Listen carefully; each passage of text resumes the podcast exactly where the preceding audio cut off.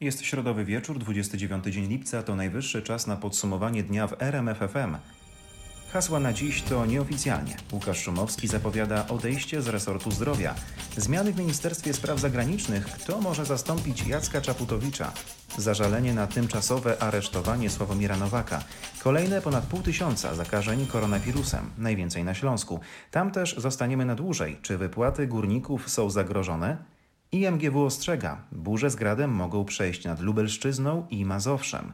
Ale na początek zaczniemy od burzy w polskim rządzie. Michał Gardias, zapraszam na podsumowanie dnia w RMFFM.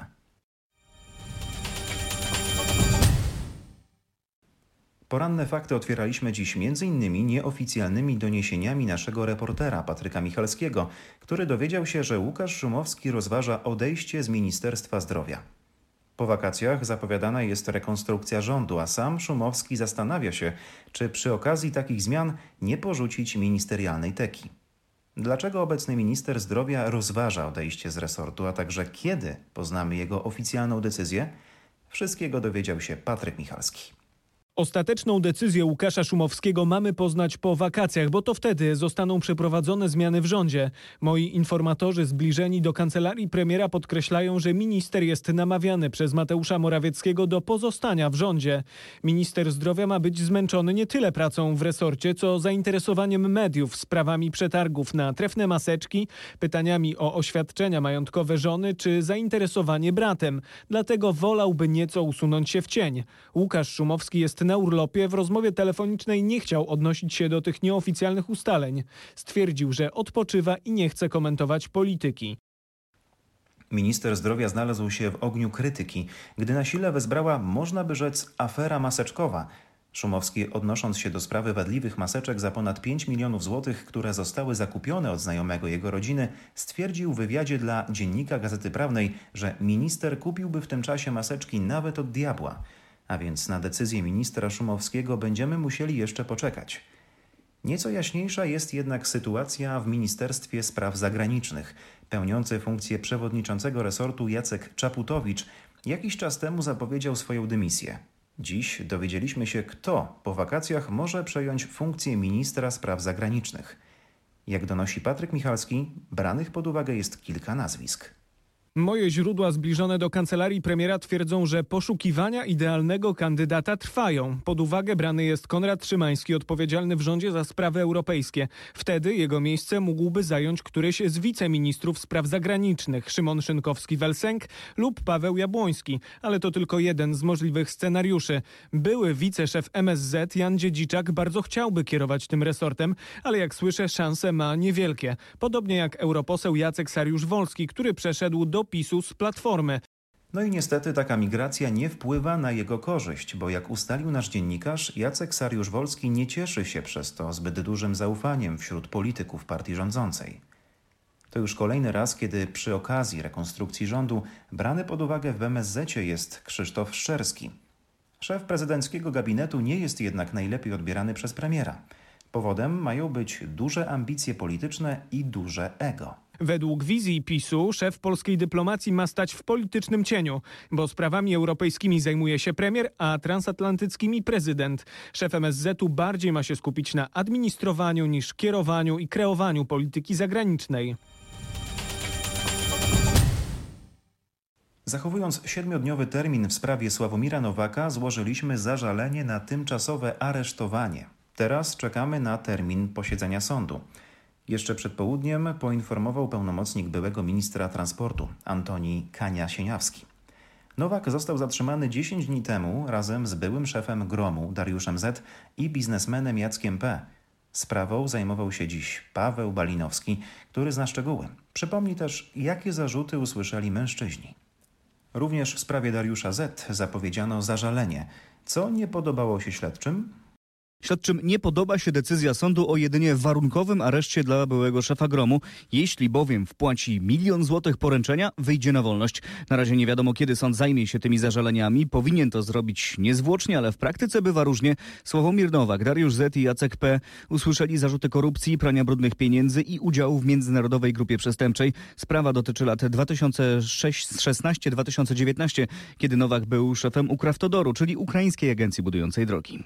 Adwokat byłego ministra z transportu stwierdził, że w oczy rzuca się zbieżność dat. Zarzuty pochodzą z 9 lipca, data jest 20 lipca. To jest zatrzymanie, mówił Antoni Kania-Sieniawski. 9 lipca, trzy dni przed drugą turą wyborów prezydenckich, wydano postanowienie o przedstawieniu zarzutów.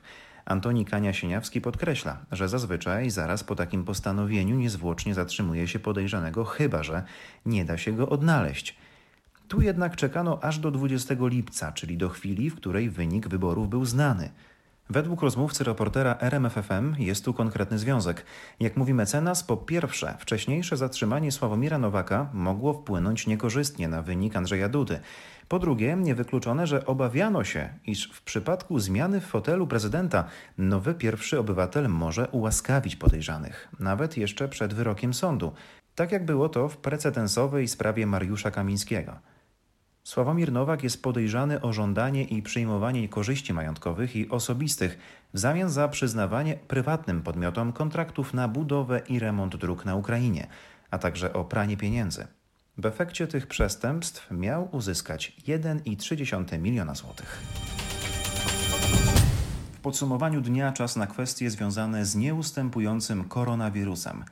Minionej doby odnotowaliśmy ponownie ponad pół tysiąca nowych przypadków w Polsce, dokładnie 512. Mimo słów otuchy premiera Mateusza Morawieckiego z początku miesiąca, warto jednak zachować ostrożność. Najnowsze dane, które przygotował Paweł Balinowski, wskazują, że wirus nie odpuszcza. Na Śląsku 183 przypadki, w Małopolsce 102 i na Mazowszu 43. Resort Zdrowia poinformował też o śmierci 12 osób. To są pacjenci m.in. z Radomia, Płocka, Radomska i Łańcuta. Większość zmarłych to osoby starsze, ale wśród nich jest też 33-letni mężczyzna. W sumie liczba zakażonych w Polsce od początku epidemii przekroczyła już 44 tysiące, przy czym liczba aktywnych przypadków, czyli osób, które obecnie przechodzą chorobę, wynosi nieco ponad 11 tysięcy. Pod kwarantanną jest w tej chwili 95 tysięcy osób. Jak słyszeliśmy, na drugim miejscu pod względem zachorowań na COVID-19 ponownie znalazła się Małopolska. Koronawirusa w tym regionie pod lupę wziął Maciej Pałachicki. W jakich powiatach zakażeń było najwięcej? Najwięcej nowych przypadków stwierdzono i to nie jest zaskoczenie w powiecie nowosądeckim i Nowym Sączu. W sumie 35 osób. To przede wszystkim efekt czerwcowego wesela w Nawojowej. Po tej imprezie, na której bawiły się osoby chore, stwierdzono już blisko 250 zakażeń koronawirusem. Na kolejnym miejscu jest powiat tarnowski. Tam stwierdzono 24 nowe przypadki. Wszystkie pochodzą z Domu Pomocy Społecznej w Sieradzy. To placówka dla przewlekle chorych psychicznie kobiet, w której zarażonych jest 18 pensjonariuszek i 7 osób z personelu. Niestety te liczby mogą się zwiększyć, bo nie są jeszcze znane wyniki wszystkich badań. W związku z zakażeniami koronawirusem kwarantannie poddano 79 pensjonariuszek oraz 20 osób z personelu. Z kolei nasz dziennikarz Paweł Balinowski zapytał wirusologa profesora Tomasza Dzieciątkowskiego, jak mogą wyglądać kolejne dni i tygodnie, jeśli chodzi o nowe przypadki. W nadchodzących tygodniach to raczej będą stopniowe niż gwałtowne wzrosty. To jest e, skutek m.in. wakacyjnych wyjazdów, a więc gromadzenia się wielu ludzi na przykład w nadborskich kurortach, ale też ognisk na weselach. W niektórych przypadkach chodzi również o lekceważenie zasad bezpieczeństwa, czyli noszenia masek i dezynfekowania rąk. Stąd nowe ogniska w sklepach. Nowych zakażeń będzie szybciej przybywało już po wakacjach. W miesiącach jesienno-zimowych będziemy obserwowali wzrost e, zakażeń spowodowanych m.in. przez COVID-19, ale to po prostu wynika ze spadku odporności ludzi właśnie w, ty, e, w tym okresie. Przekonuje profesor Dzieciątkowski. Jak dodaje, wtedy problemem może być też nałożenie się przyrostu zachorowań i na grypę, i na koronawirusa. Sprawa polskich górników cały czas aktualna. Na początek należy wrócić do tego, co działo się wczoraj. Związkowcy usłyszeli podczas wczorajszego spotkania z zarządem Polskiej Grupy Górniczej i wicepremierem Jackiem Sasinem, że górnicze wypłaty nie są zagrożone. Polska Grupa Górnicza to największe przedsiębiorstwo z tej branży w Europie i największy producent węgla kamiennego w Unii Europejskiej. A mimo to przed spotkaniem w Katowicach pojawiały się informacje o braku środków na wynagrodzenia. Sprawie przyglądała się Anna Kropaczek.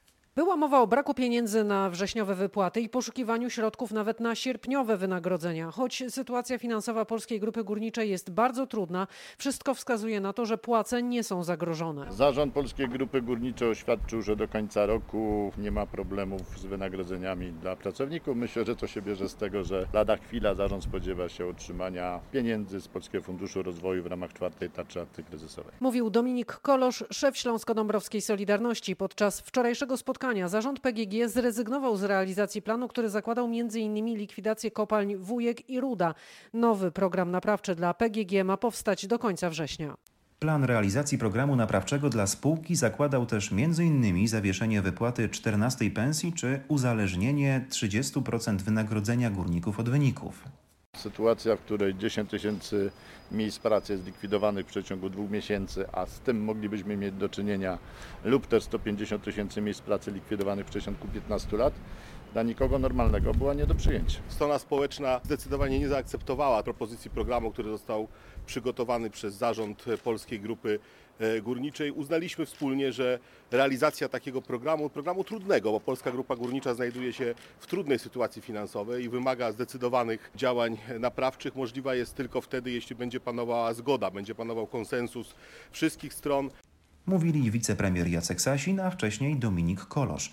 Temat wczorajszych negocjacji w Katowicach wrócił dzisiaj w rozmowie w samo południe. Gościem Marcina Zaborskiego był Wacław Czerkawski ze Związku Zawodowego Górników w Polsce. Czy w najbliższym czasie dojdzie do porozumienia między związkami a spółką? Posłuchajmy. Ale właśnie, gdyby ceną za uratowanie miejsc pracy miało być na przykład e, zamrożenie na jakiś czas e, czternastek górniczych albo uzależnienie części pensji od wydajności w zakładzie pracy, to co wtedy?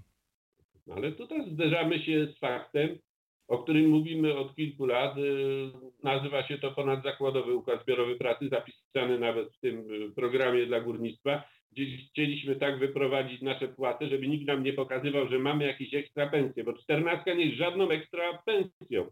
Jest to część funduszu płat. My po prostu mamy inaczej rozpisany nasz fundusz płat, nie mamy nic ekstra y, dodanego, to raz. Dwa, my już niejednokrotnie mieliśmy do czynienia z zamrożeniem płat, z obniżką nawet płat. Przykład klasycznej Jastrzębskiej Spółki Węglowej, gdzie drastycznie wręcz obniżono płatę po to, żeby mogła spółka wyjść na prostą i to się udało. I potem znowu wyszliśmy na normalny poziom płat. Dlatego No i pytam, czy, czy, czy wy jako związkowcy dzisiaj, negocjując z rządem, bierzecie pod uwagę taki wariant, że no, gdzieś trzeba będzie ustąpić i właśnie może to jest to miejsce, e, zmniejszenie e, płac, czy powiązanie tych płac z wydajnością w zakładzie, no i jednak, e, co pozwoli uratować zakład pracy.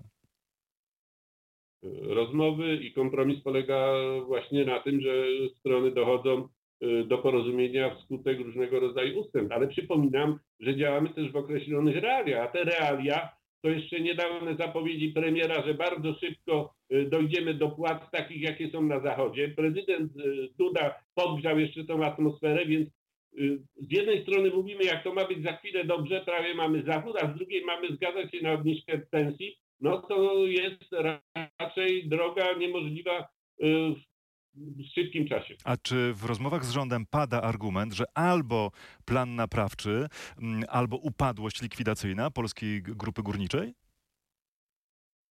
Y, Na razie nie padają takie stwierdzenia, to są raczej różnego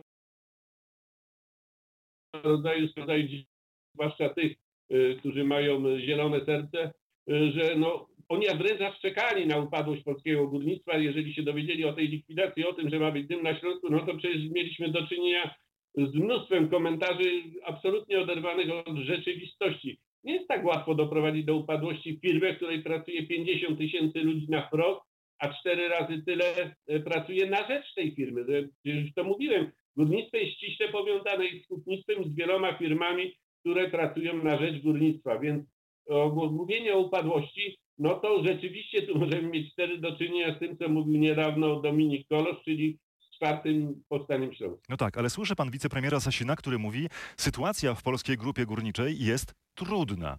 Dlaczego ona jest trudna, panie przewodniczący?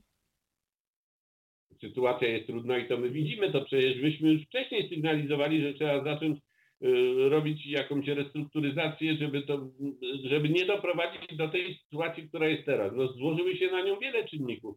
Przede wszystkim y, pandemia, która spowodowała zatrzymanie pracy kopalń. Oczywiście Zielony Ład i wszystkie te działania y, europejskie, antywęglowe, dekarbonizacja, które powodują no, że węgiel ma strasznie trudną sytuację. Na dodatek jest y, górnictwo obciążone 30 kilkoma podatkami. To żadna mało która firma ma tyle y, podatków do zapłacenia. No i import węgla, gdzie tu jednocześnie mówi się, że no nasz węgiel y, jest ciężko sprzedać, a importujemy y, dużo węgla z zagranicy, w tym z Rosji. Więc te wszystkie czynniki spowodowały, no, że rzeczywiście firma znalazła się w kryzysie, bo jeszcze nie zapominajmy o jednej rzeczy, dla, według mnie bardzo ważnej. Górnictwo w Polsce ma być rentowne i przez długie lata rentowne było, co jest w górnictwie głębinowym rzadkością. Cała rozmowa czeka na Was jak zawsze na rmf24.pl. Dosyć głośno zrobiło się ostatnio po zapowiedziach o planowanym wycofaniu się Polski z konwencji stambulskiej. Teraz pojawiają się informacje, w jaki sposób nasz kraj może na tym stracić, a dokładnie Polska może zostać uderzona po kieszeni, mówiąc w cudzysłowie, jeżeli wycofa się z konwencji stambulskiej. Tak przynajmniej twierdzi francuski sekretarz stanu do spraw europejskich Gabriel Buen. Ze szczegółami prosto z Paryża Marek Gładysz. Według nowo mianowanego francuskiego sekretarza stanu do spraw europejskich powiązanie budżetu Unii z kwestią poszanowania praworządności umożliwi ukaranie finansowe Polski, jeżeli nasze władze wypowiedzą konwencję o zapobieganiu i zwalczaniu przemocy wobec kobiet i przemocy domowej, choć chodzi o konwencję Rady Europy, a nie Unii Europejskiej, a są to, przypomnijmy, oddzielne organizacje. Bond, który był dotąd doradcą prezydenta Macrona, zasugerował, że poszanowanie tej konwencji to poszanowanie praworządności. Będą finansowe konsekwencje, zagroził w wywiadzie dla francuskiej sieci radiowej France Info. Przypomnę tylko, o czym mówi konwencja stambulska. Figuruje w niej zapis, że kultura, zwyczaje, religia, tradycja czy tzw. Tak honor nie będą uznawane za usprawiedliwienie dla wszelkich aktów przemocy objętych jej zakresem. Chodzi m.in. o zabójstwa honorowe, do których dochodzi na przykład w muzułmańskich rodzinach, gdy jej członkowie chcą zmyć hańbę spowodowaną rzekomo niewłaściwym zachowaniem członka rodziny. Konwencja określa również tzw. Tak płeć społeczno-kulturową, która oznacza społecznie skonstruowane role, zachowania, działania i atrybuty, które dane społeczeństwo uznaje za odpowiednie dla kobiet lub mężczyzn. Konwencja ma chronić kobiety przed wszelkimi formami przemocy oraz dyskryminacji. Polska podpisała ją w grudniu 2012 roku, a ratyfikowała w 2015. Od początku budziła ona kontrowersje. Prawicowi politycy przytaczali argumenty o jej niezgodności z konstytucją oraz o tym, że stanowi zagrożenie dla polskiej tradycji rodziny. Jeszcze w maju wiceszef Ministerstwa Sprawiedliwości Marcin Romanowski na Twitterze ocenił, że konwencja to neomarksistowska propaganda, która przewraca do góry nogami nasz świat wartości. Chcemy wypowiedzieć ten genderowski bełkot ratyfikowany przez Platformę i PSL. Opinia zagranicy nas nie interesuje. Dla nas podstawą jest suwerenne państwo narodowe, dodał. Od środy, czyli od dzisiaj, dokładnie od północy, obowiązuje nowe rozporządzenie rządu w sprawie zakazu połączeń lotniczych ze względu na epidemię koronawirusa. W tym rozporządzeniu pojawiła się dłuższa lista krajów, do których będzie można polecieć z Polski. W podsumowaniu dnia ponownie Patryk Michalski, który wie, do jakich krajów Polacy mają zielone światło. No to między innymi popularne wakacyjne kierunki Turcja i Tunezja. Przed każdym lotem warto jednak sprawdzić zasady obowiązujące w poszczególnych krajach, bo według informacji na stronie polskiego MSZ Polacy na przykład mogą wjechać na terytorium Tunezji, ale pod warunkiem okazania zaświadczenia, które potwierdzi, że nie jesteśmy zakażeni koronawirusem. Obowiązuje też siedmiodniowa kwarantanna we wskazanym hotelu. Nie są to więc standardowe i wymarzone wakacje. Możliwe będą również loty do Algierii, Maroka, Tajlandii, Nowej Zelandii, Ruandy, Urugwaju, Australii oraz na Białoruś. Niezmiennie można też polecieć do Gruzji, Japonii, Kanady, Albanii, Korei Południowej i Ukrainy. Oczywiście loty odbywają się również między krajami Unii Europejskiej czy Szwajcarii. A gdzie Polacy lubią latać najczęściej? O który z tych krajów najczęściej pytają klienci? Turcja cieszy się ogromną popularnością, dobrą sławą, e, świetna relacja jakości do ceny, jest bardzo lubiana przez e, klientów, gościnność, smaczna kuchnia, wspaniałe zabytki, Kapadocja, Pamukkale. Klienci tak bardzo tęsknili za możliwością latania właśnie do Turcji. Koronawirus, a ceny? Jest jakaś zależność? Pandemia wpłynęła na ceny na najbliższe wyloty. Rzeczywiście za tydzień, dwa, trzy te ceny są bardzo dobre. Niejednokrotnie przekraczają 35 50% zniżki w porównaniu do ofert zeszłego roku. Rodzina 2 plus 2 może polecieć do Bułgarii czy do Grecji już za nieco ponad 4000 e, do czterogwiazdkowego hotelu. Pytał Mateusz Chłystun, a odpowiadał Krzysztof Kasner, szef jednego z biur turystycznych w Wielkopolsce. Miniona noc nie należała do tych najspokojniejszych. Po ulewach, burzach i silnym wietrze bez prądu pozostało 17 tysięcy odbiorców. W wielu miejscach zerwane były linie energetyczne. W województwach łódzkim i na Opolszczyźnie tam funkcjonariusze wyjeżdżali łącznie 250 razy. W całym kraju strażacy mieli ponad 570 interwencji. W miejscowości Rożnów w powiecie kluczborskim na Opolszczyźnie wichura zerwała ponad 300 metrów kwadratowych dachu z trzypiętrowego budynku, w którym mieszka wiele rodzin. Między innymi przez gminę Wierzchlas w Łódzkiem przeszło gradobicie, przez co zniszczeniu uległy uprawy. W najbliższych dniach będzie trwało szacowanie, jak wysokie są te straty. Większość zniszczeń w kraju to zerwane dachy, powalone drzewa czy zerwane linie energetyczne, a także podtopione budynki. Jest też dobra informacja, jak przed chwilą przekazał mi rzecznik Państwowej Straży Pożarnej Krzysztof Batorski, nikt nie ucierpiał podczas nocnych nawałnic. Tak relacjonował dziś w faktach Patryk Michalski. Ogromna burza przeszła przez Olsztyn wczoraj wieczorem. Nawałnica była krótka, ale bardzo intensywna. Głównie odnotowaliśmy powalone drzewa.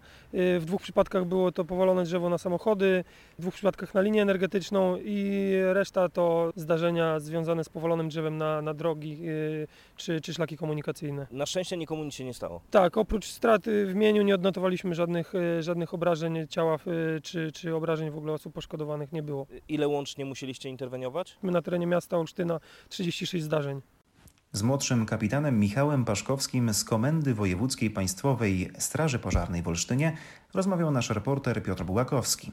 Burze z gradem przechodzić mogą jeszcze dzisiaj przez południowo-wschodnią Polskę. Ostrzeżenia pierwszego stopnia dotyczą Lubelszczyzny i części Mazowsza. Uważajcie na siebie. I na koniec w podsumowaniu dnia akcent kulturalny. To opowieść o Śląsku, o rodzinie, ale przede wszystkim o kobietach. Właśnie ukazała się nowa książka od jednego Lucypera, Anny Dziemit-Meller. Mężczyźni w tej historii pojawiają się rzadko oni faktycznie są trochę taką muzyką tła dla, dla tych bardzo wyrazistych bohaterek. Ale wie pani, ja mam takie doświadczenie z obserwacji Śląska, na którym się wychowałam, na którym już od dawna nie mieszkam, co prawda, że to była przestrzeń kobiet, obecność kobiet bardzo wyrazista z różnych względów. No po pierwsze mężczyźni pracujący ciężko fizycznie, później nieobecni w domach właściwie, a z drugiej strony mężczyźni, którzy szybko umierali też i te wdowy wiecznie po prostu rozmawiające ze sobą, przesiadujące u siebie nawzajem, więc to rzeczywiście była taka bardzo kobieca rzeczywistość, tak mi się wydaje. Rozmowę naszej dziennikarki Katarzyny Sobiechowskiej-Szuchty z autorką książki znajdziecie jak zawsze na rmf24.pl. Zachęcam do śledzenia faktów co godzinę. Najważniejsze i najświeższe informacje jak zawsze w RMFFM. Życzę spokojnej i bezpiecznej nocy, bo w tym odcinku podsumowania dnia to już wszystko. Michał Gardias, do usłyszenia.